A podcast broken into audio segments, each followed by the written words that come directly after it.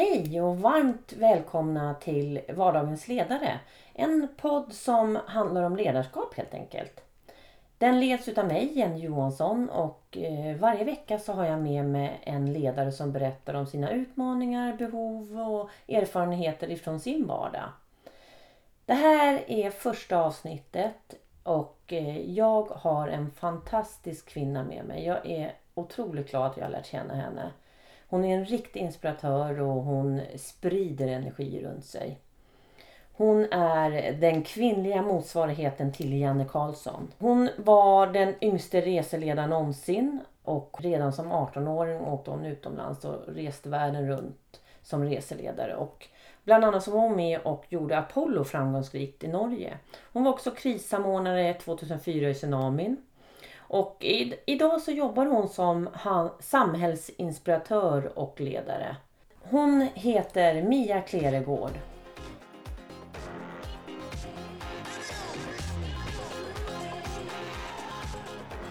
Den här veckan är Vardagens ledare sponsrat utav Ungapped.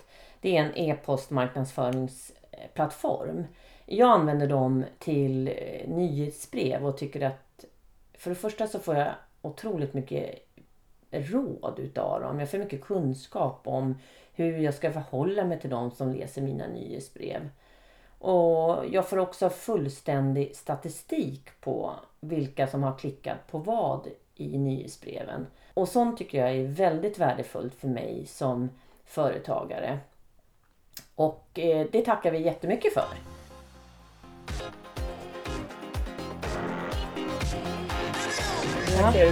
Ja.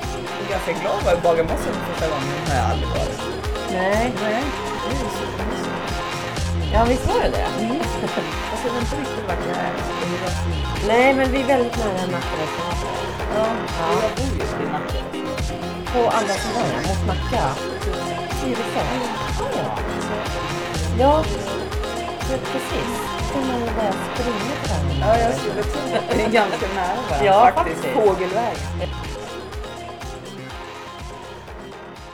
Välkommen Mia Klergård till eh, Vardagens ledare. Men tackar, tackar. Vad, vad spännande det här ska bli. Det ska bli superspännande. Ja, Mm. du hade ju varit med i en podd innan sa du. Ja, Eh, Så du har lite erfarenhet i alla fall. lite. Ja, Ja. och jag har inte så mycket mer jag heller ju. Kommer gå strålande. Men det vi har kommit fram till, både du och jag, är att vi har ju ganska mycket mod. Så vi tycker ju om att göra lite saker som vi inte brukar göra. Mm, absolut. Ja, Ska alltid gå utanför trygghetszonen. Det händer så mycket spännande där. eller hur? Men Mia, eh, berätta lite. Vad, vem är du? Din bakgrund? Ja, vem är jag? Jag kan ta lite kort bara sådär vad jag har gjort. Jag var ganska tidig, redan vid 19 års ålder så hade jag bestämt och satt ett mål vad jag skulle göra och det var att lämna Sverige. Så samma dag jag tog studenten så slängde jag min studentmössa på hatthyllan hemma och satte mig på ett plan till Spanien. Dit jag åkte ner och studerade och ehm, läste spanska som jag ville lära mig och sedan gick jag också i skola, en reseledarutbildning och flygvärdinna faktiskt. Men jag började som reseledare direkt där och då och jobbade faktiskt totalt 12 år ute i världen. Wow! Mm. Först blev det några säsonger som reseledare och ha himla kul som man har, särskilt i den åldern. Och sedan så blev jag destinationschef. Då var jag faktiskt bara 21 år gammal. Eh, och fick förmånen att resa runt och öppna upp destinationer runt om i världen och starta upp både struktur, organisation och team som skulle fungera jättesnabbt. Så Eh, ung också. jag är så ung. Eh, Var det något du funderade över? Då tänkte man inte så mycket. Nej. Man tog utmaningarna när de kom och löste dem. Jag skulle säga att det är världens bästa skola.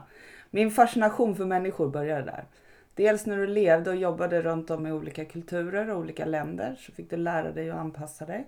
För att du skulle kunna gå hem både som ledare. ehm, Och då pratar jag om både i landet och bland medarbetarna. För jag var ju oftast yngst i teamen fast jag Mm. var ledaren. Eh, Så att det fick man lära sig under den resan och sedan skulle Apollo starta upp, det var Apollo som var researrangören jag jobbade för. Sedan skulle de starta upp i Norge så då ringde man mig och frågade om jag kunde tänka mig att komma dit. Och då stod jag med en resväska på en vit sandstrand i Thailand och hade det bara helt fantastiskt. Men så tänkte jag, nej men det är såklart jag åker dit, apropå mod. Eh, så jag tog min resväska och flyttade år 2000 till Norge. Där jag faktiskt var i sex år och hjälpte upp och starta upp Apollo som researrangör. Från ingenting till en av de mest erkända i Norge som vunnit massa pris som bästa arbetsgivare, bästa researrangör, bästa VD hade vi på den tiden. Leo Berbu som är en av mina främsta mentorer och förebilder inom ledarskap. Så det gjorde jag fram till, ja, vad blev det, 2008. Då det hade hänt otroligt mycket med mig som person. Jag var med och ledde stora delar av arbetet med tsunamikatastrofen. Vilket gjorde att eh, mina värderingar och grundvärderingar kom väldigt upp till ytan. Också insikten om betydelsen av ledarskap. Och mitt eget ledarskap. Och, mm, jag skulle tro att min ledarfilosofi började bilda sig. Jag hade fått två barn också. Så att helt plötsligt började jag sakna mamma. Det har jag aldrig gjort i mitt liv innan. Under mm. de där 12 åren när jag bara reste runt. Så då flyttade jag hem till Sverige och skulle då börja jobba i ett nytt land. Och då insåg jag varför jag hade lämnat landet. Det tänkte jag inte så mycket på när jag var 19. Berätta lite mer.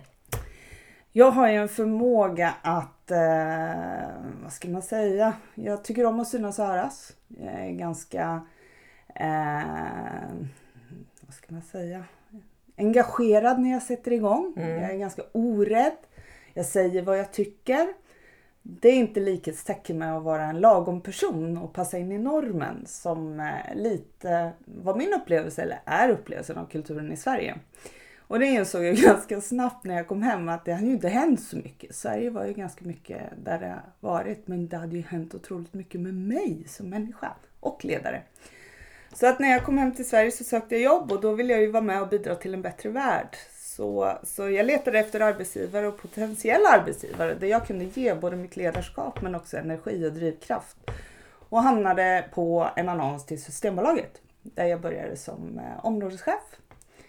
Eh, och drev två olika team, ett i Örebro där jag kommer ifrån och ett i Stockholms södra region. Mm. Eh, som var helt fantastiskt att leda och utveckla människor utifrån serviceperspektivet, vilket var en helt annan värld när jag klev in.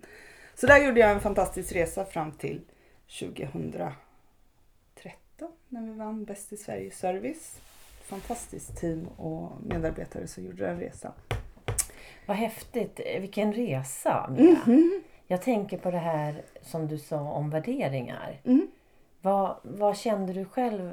Hur, hade, hur, hade, hur kom de till ytan? Vad, var det för, vad upptäckte du hos dig själv under den här resan? Uh, du tänker främst på det som hände under tsunamin? Ja.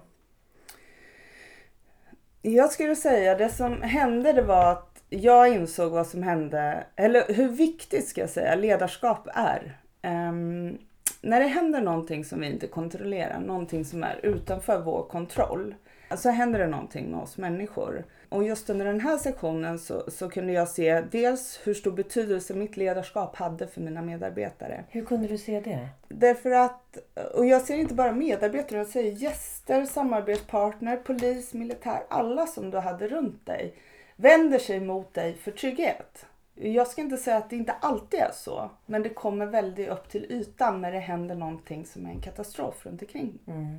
runt omkring oss.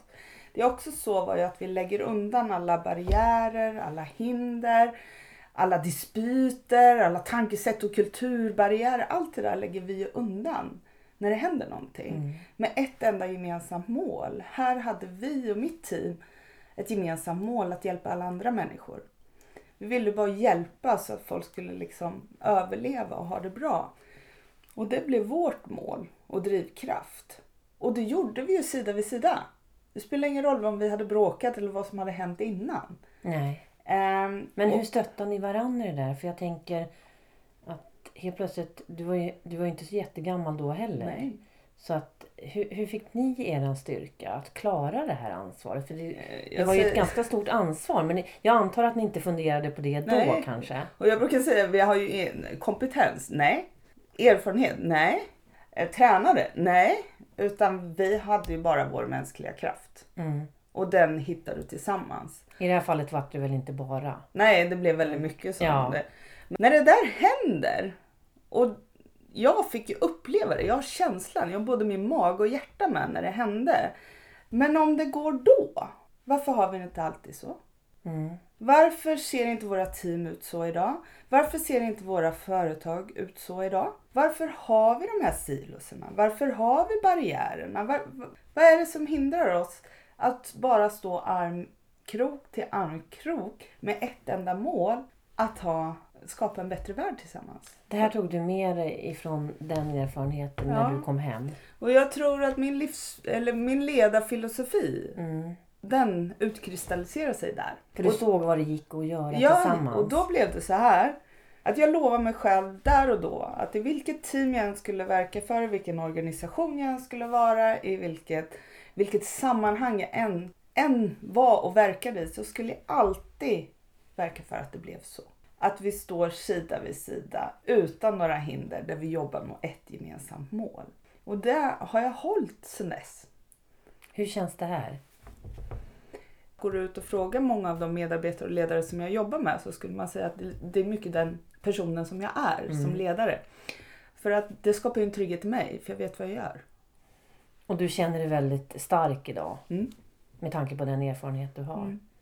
För det där tog ju du med dig sen i Mm. din resa i Systembolaget. Mm. Så först kommer du hem och märker att det är ju som det var när jag åkte. Mm. Det var din upplevelse. Ja. Och sen så börjar ju då den här resan på. Systembolaget. Berätta lite om den.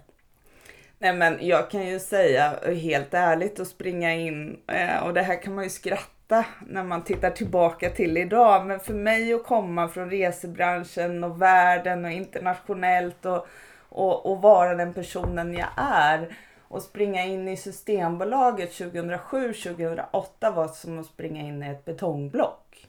För Ja. när, gjorde, när påbörjade de sin eh, resa i förändringsresa? 2009-2010. Ja. Där togs beslutet om att Systembolaget skulle bäst i Sverige service. Vart det ett avstamp för dig att vara kvar i den Ja, organisationen? då jag kände dels att vi fick ett annat fokus på ledarskapet Okej. när vi fick en ny VD. Eh, Jag kände att fokus var otroligt mycket på kund. Vilket gjorde att jag, jag kände att jag hade, det blev rätt. Jag kan säga att de första två åren var, var en utmaning. I, i, men också organisationen hade inte varit mogen om man hade påbörjat den resan just där och då. Utan du måste göra den resan när ett företag är moget för det. Och man hade gjort ett fantastiskt arbete innan med att sätta ordning och reda och struktur på arbetet. Det hade hänt ganska mycket kriser i, i Systembolagets historia också. Vilket hade gjort att det ledarskapet som man hade innan var det man var tvungen att ha. För att komma vidare till den sektionen när man sa att nu kan vi kundfokusera företaget. Nu är det moget. Och då började man den resan med ett tydligt mål. Och jag vet, när jag sprang ut i organisationen som den ledare jag var där 2010 och sa vi ska bli bäst i Sverige på service. Så kan jag ju säga att det var ganska många korslagda armar över brösten på de som vi träffade då som sa ja visst, lycka till. Eh, går man Hur ut kändes det? Nej men jag tycker det är jättefantastiskt spännande. Ja. jag, jag, jag, får du din utmaning jag där? får min utmaning och Mm. jag älskar ju de där personerna och jag brukar säga att de, de, de största motorerna som går bakåt det är mina älsklingar på slutet. För Mm. att jag älskar att jobba med de människorna för att hitta vad driver dig till att bli min största motor framåt. Plus att där, där syns ju också den stora förändringen Mm. så tydligt. Ja, den blir väldigt tydlig. Ja, den blir Så då väldigt får man tydlig. kraft själv som ledare. för Det Exakt, behöver du. och det behöver vi ju Ja. verkligen ha. Jag berättar lite mer om eh, vad var det för delar som du fick påbörja på Systembolaget som var utvecklande för dig själv? Att gå hem i en organisation där du egentligen kanske inte bilden av ledarskapet och bilden av personen eh, kanske inte riktigt är den eh, normen som har varit tidigare. Det ska jag säga har varit utmanande och otroligt lärorikt. Eh, jag började i Systembolaget eh, och, och den ledningsgrupp jag satt i då hade ju otroligt svårt att göra min röst hörd. Eh, För att jag var annorlunda. Jag, jag pratade kund, jag pratade service, jag pratade medarbetares engagemang och delaktighet. man hade satt de övergripande målen och Mm. man hade tagit strategin att man ska jobba mot kund. Så satt det ändå i- det praktiska, i ledningsgrupperna, Mm. så hade inte det här riktigt landat ännu. Vi gör fantastiska strategier, vi gör fantastiska målbilder och powerpoint-presentationer som presenteras för ledare ute i organisationerna. Men grejen är ju, de måste ju börja leva också. Och innan det gör det så är det ju bara en powerpoint eller ett papper eller en strategi kvarglömd i någon byrålåda någonstans. Så vad gjorde du för att det här skulle börja leva? Jag tog mitt ansvar som ledare i organisationen för att arbeta med, med mitt team och det är ju eh, ett antal eh, ledare som i sin tur har massa medarbetare. Och det det handlade om mycket för mig var ju att vara tydlig med krav, vara tydlig med målbild, eh, också rätt man på rätt plats. Eh, vilket börjar i ledarskapet. I och med att jag hade förmånen att leda ledare där så, så handlar det också om att de ska veta vad som förväntas av dem för att också kunna se om ja, men den här resan vill jag vara med på eller kanske inte. Ja, vad ser du för utmaningar där? För mellanchefer, det är ju en ganska svår roll. Ja, jag var, man blir mellanchef här, var ju jag också Precis. i det här läget. Och, och det kan vara stora utmaningar att vara, eller det är stora utmaningar att vara mellanchef, det vet vi alla. Du ska göra en ledning nöjd men du ska också göra medarbetarna nöjda. Och någonstans där hamnar du i ett mellanläge som är otroligt svårbalanserat skulle jag vilja säga. I kombination också med att ni ska göra ett, mm. förändringsarbete. Mm. Men det jag gjorde i, i, eh, mitt ledarskap var ju att jag började med mina ledare och, och såg till att de dels hade rätt förutsättningar och då handlar det om att våga sätta ord på det vi har. Eh, så när vi har utmaningen och vi har målet och det är satt att vi ska uppnå det målet så handlar det om att titta, har vi förmågan att göra det här? Är jag på rätt plats? Och jag brukar säga det, jag är ganska tuff som ledare men med stort hjärta för att för mig är det riktigt viktigt att ledarna jag har är på rätt plats. Har de för liten utmaning är det inte bra för dem. Har de för stor utmaning är det absolut inte bra med dem. Och jag vet en ledare som jag tog ett prat med precis i början på den här resan som hade jobbat, jag tror det är 20 år som ledare och, och var ju inte ledare. Alltså absolut inte. Eh, Ville vara det? Eller? Nej, det finns ju något som, som går där ute som kallas lång och trogen tjänst och så får man en chefstjänst. Eh, det är inte alltid rätt. För även om du har en spetskompetens och är jätteduktig på en sak så är ledarskap något helt annat. Det är ett eget yrke i sig? Eller? Det är ett yrke och det var Systembolaget mm. väldigt tydliga med här. Att ledarskap är en profession och det ska vara en profession. Men då handlar det om vad är en profession som ledarskap? Det handlar om att utveckla andra, alltså utveckla sina medarbetare och utveckla verksamheten. Men om du sitter som den här chefen gjorde och har suttit på jobbet i 20 år som ledare och verkligen inte tycker det här är roligt. Som, som kanske till och med inte mår bra där jag som ledare ser det så har jag ett ansvar. Jag skulle säga jag tar inte mitt ansvar om jag låter den ledaren gå kvar på sin plats. Utan jag måste sätta ord på det han vet. Jag brukar säga alla människor vet. Vi vet i hjärta, vi vet i mage när vi inte levererar det vi ska eller när vi inte gör det vi ska. Och jag säger tänk att gå till jobbet så. Varje morgon och mm. veta att jag borde inte vara här. För jag klarar inte det här. Mm. Eller jag har inte förmågan. Och inte ha ledare som ser det och tar upp det. Så det jag gjorde med den, eller den ledaren det var ju att jag, jag, tog de här tuffa samtalen. Jag satte ord på det han vet i magen. Vad var det som var tufft? Var det tufft för både den personen och för dig? Ja, det blir en prestigefråga också och ansvar. Och, och som chef Ja, det är inget kul att ta de här samtalen. Det gör ont i magen innan. Men, men det gör ju ännu ondare i mig som person som den jag är att inte ta dem.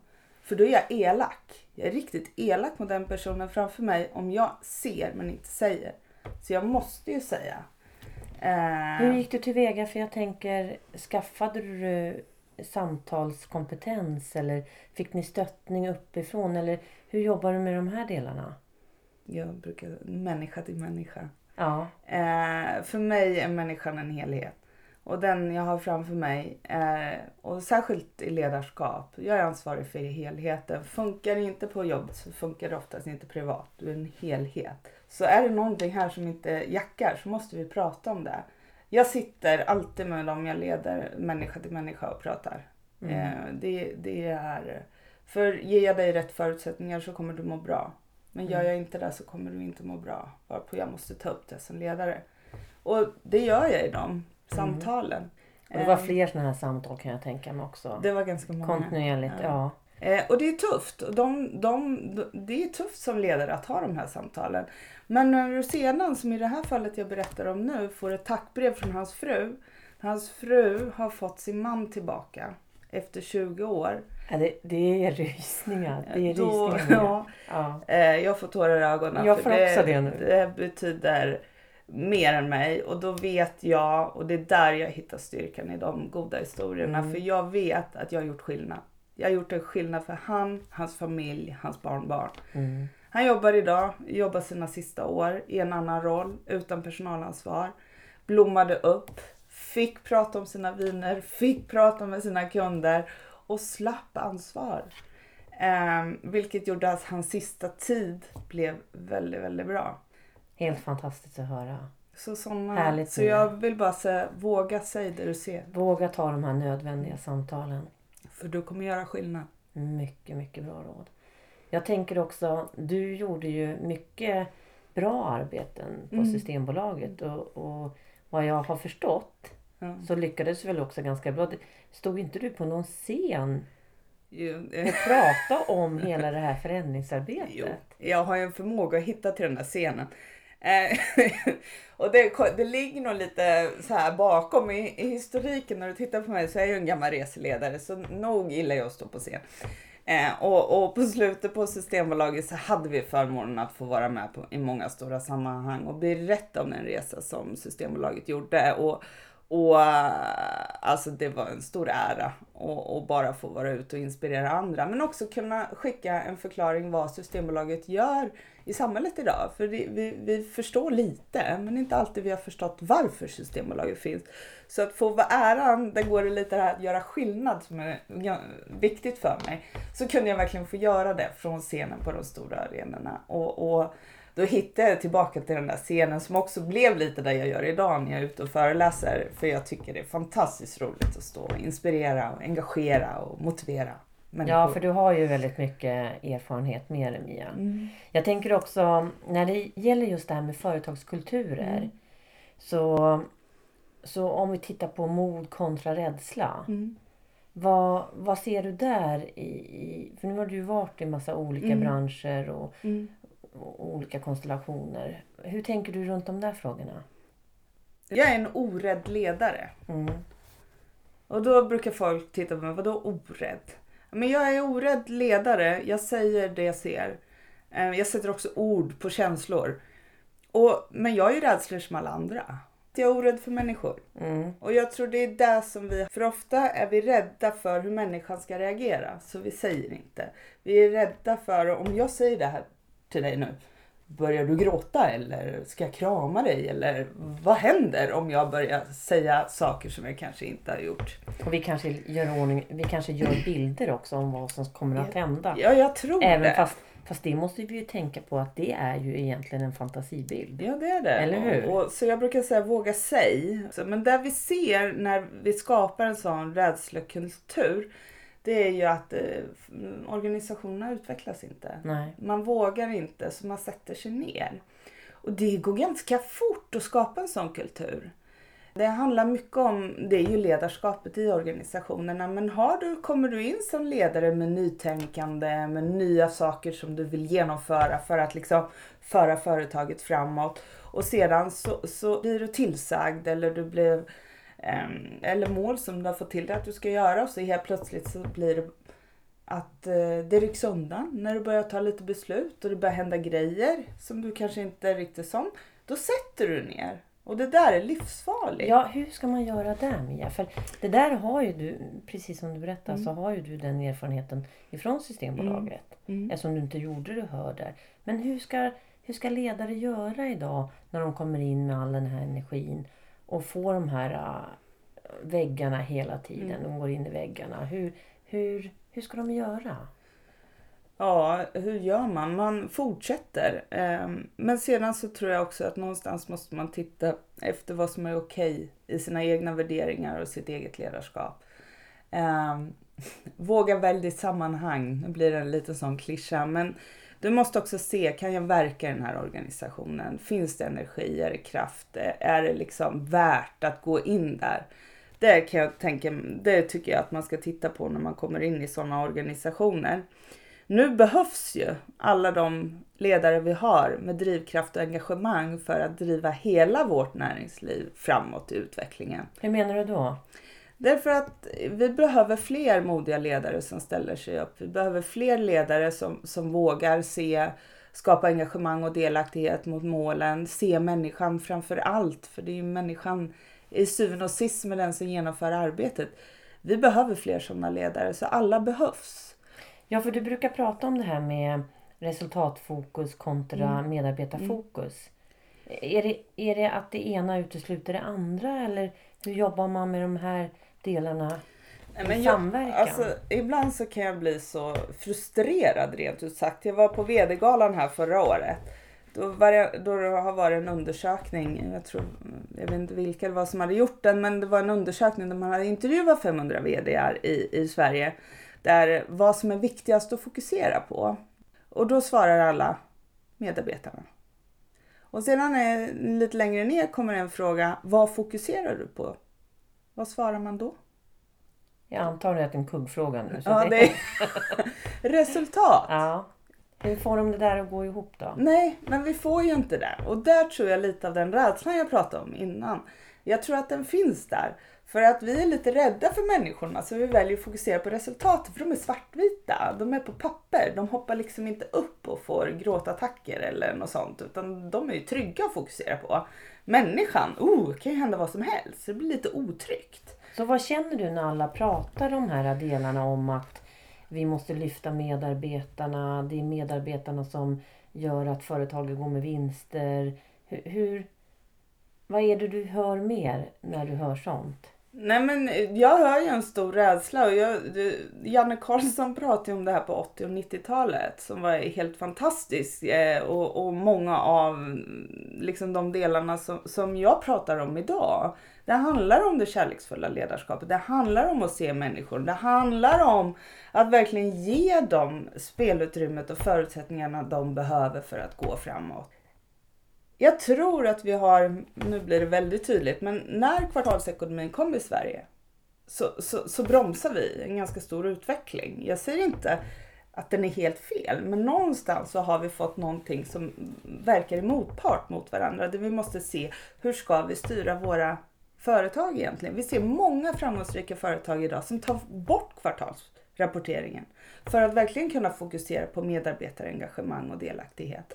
Vi ser hela, hela den världen vi är precis i nu, den digitala världen, då, då, då medarbetarna och allting leds av engagemang och inspiration och delaktighet och samskapande. Vi vill vara med och skapa ett framgångsrikt företag.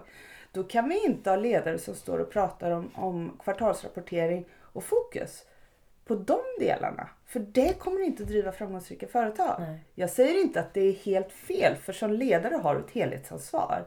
Du måste ha dina siffror med dig, du måste ha fokus på dem. Men det är kanske inte det som ska vara det främsta fokuset om du vill leva, leda ett framgångsrikt företag. Utan det är ju engagemang hos dina medarbetare. Mm. Vi vet idag att fungerande organisationer har 70% högre engagemang. Mm. 70 procent. Det är ganska mycket. Det är ganska mycket. Mm. Om jag var VD i ett större företag så skulle det vara hela mitt fokus. Hur engagerar mina medarbetare att skapa ett bättre företag? Men hur gör de det då? Men man kan ju ta Tesla som exempel. Nu är ju det ett av de eh, som är på näthinnan väldigt mycket för det är ny teknologi, det är framtiden, vi förstår att det är dit vi ska. Men, men eh, där så har de ju ett engagemang bland medarbetare att eh, det kommer in, jag tror det är 1400 exempel per dag om hur man kan utveckla Tesla framåt. Hur, hur ska man göra? Vet du hur lång tid det tar innan Nej. de får svar på Nej. dem? 8 till 14 timmar. Sen har medarbetaren svar om deras idéer går vidare eller om de får vara, om de inte går vidare till nästa stadie. Jag tänker det är ju helt fantastiskt att kunna få svar så snabbt och det, bara det i sin tur skapar ju ett större engagemang också. Mm. Att man, ja, att man blir sedd och att man, eh, att det finns uppföljning på, på det man har faktiskt visat intresse för. Men ibland så kan jag bli lite frustrerad av att vi, vi krånglar ju till det. Att leda människor och att jobba med ledarskap handlar om att se människor, höra dem och bekräfta dem. Mm. Det är inte svårare än så. Nej.